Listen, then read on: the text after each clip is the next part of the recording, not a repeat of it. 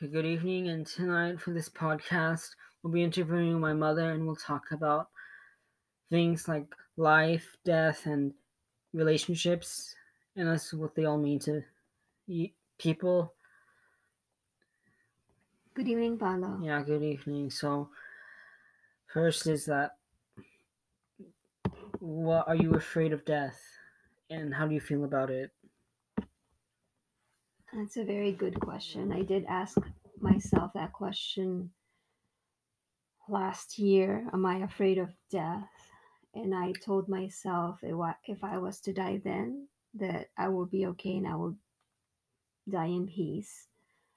Um, however, things have changed since then. But am I, am I afraid of death?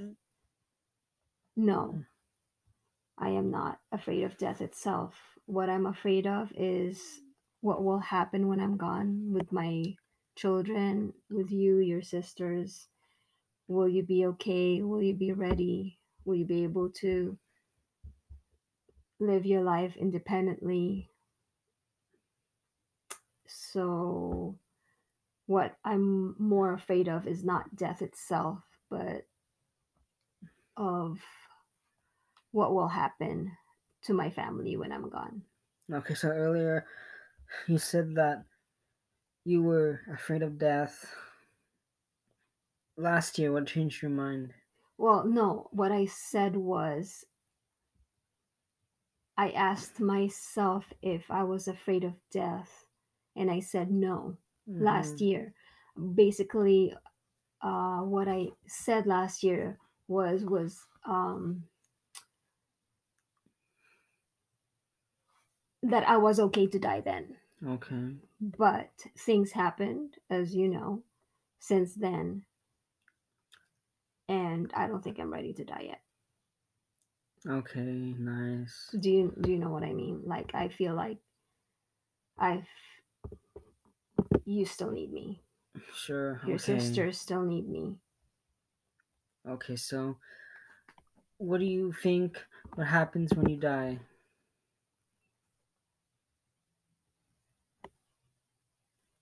I think what happens when each person dies depends on what they believe in, in their religion, or not necessarily religion of what they believe in. If you believe that when you die you're gonna be like in uh,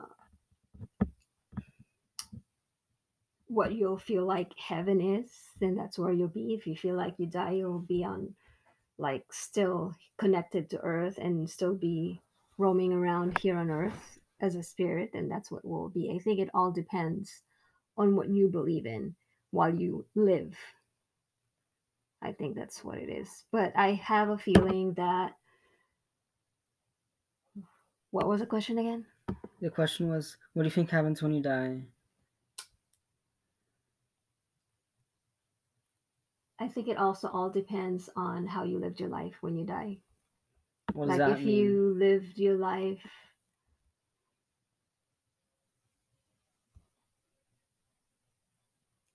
Like what? like if you lived your life in um, a path of goodwill, being good to yourself, being good to people, and being kind, I think you'll die in peace.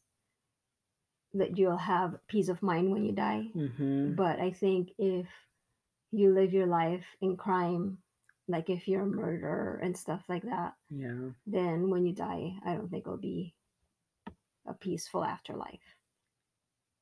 So, in general, I think it all depends on what you do in your lifetime and also what you believe in.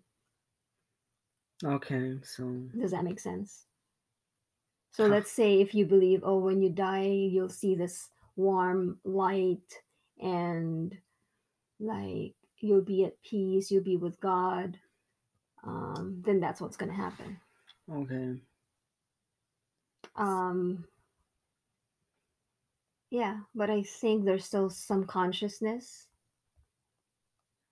Mm. when you die, but there's no physical being. I think it's what it is.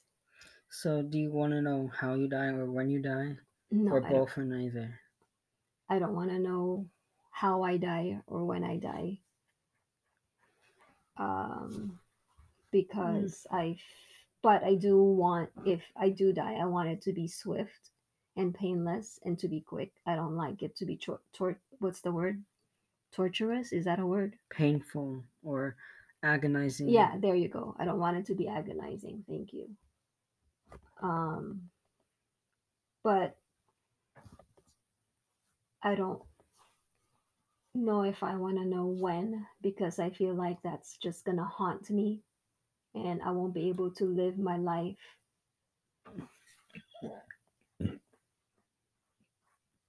I think, Peacefully. yeah, peacefully. I think it'll just haunt me instead of um it will I don't think it'll do me any good if I know. What about how you die? I don't want to know either. Why? Same reason. I think uh, yeah. So you don't think you can prevent it? I, Mm, no, I don't think you can. I think you'll be able I don't think you can. Why? Unless it's something that you're doing to yourself, like you do drugs, you smoke, you drink alcohol. Okay. But let's say it's like uh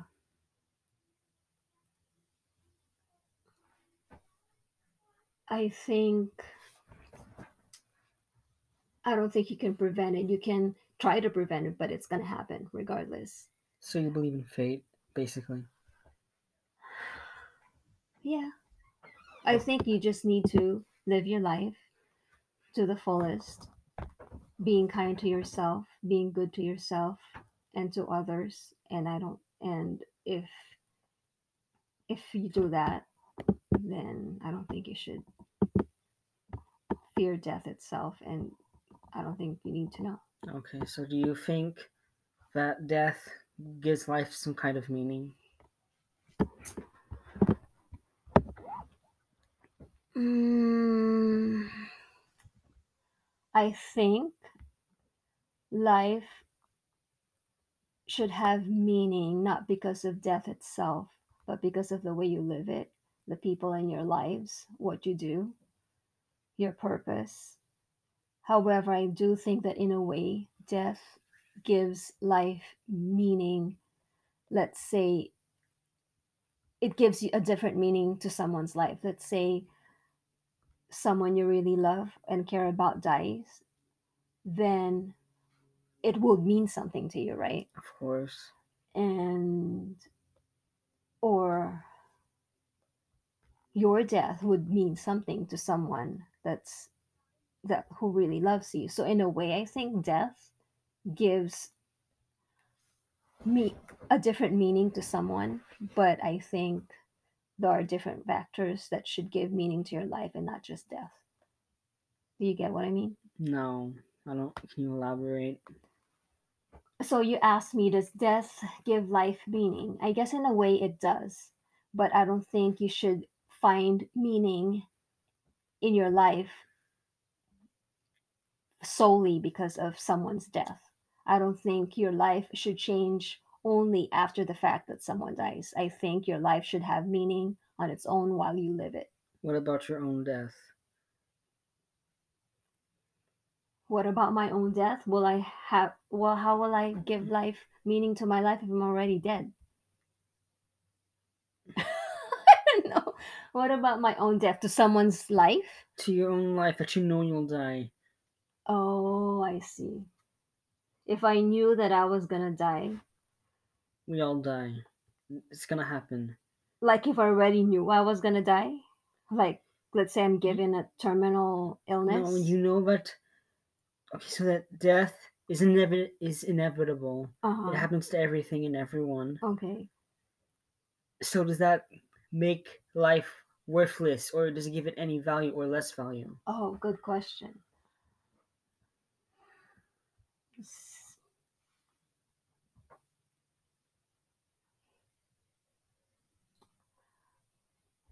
I think in a way it does because I think if you know that your life if you if life is immortal then you might just spend your life carelessly Mm-hmm.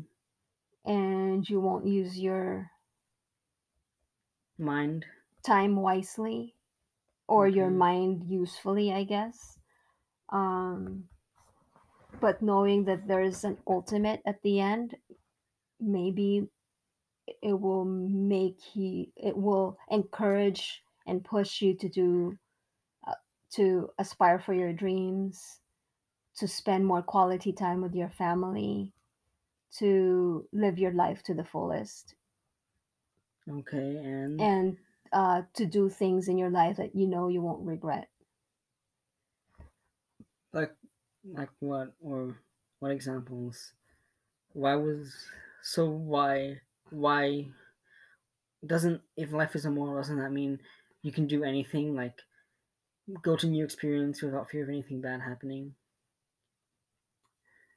I guess you like you feel like you're invincible. Mm-hmm. But, But- you are if you're immortal. Yeah, so but if you feel that you're invincible, that might make you careless and just be carefree and not care about anything in the world, and that's not good Why is that not good? because then you might end up hurting yourself or others. But why would that matter if you won't die?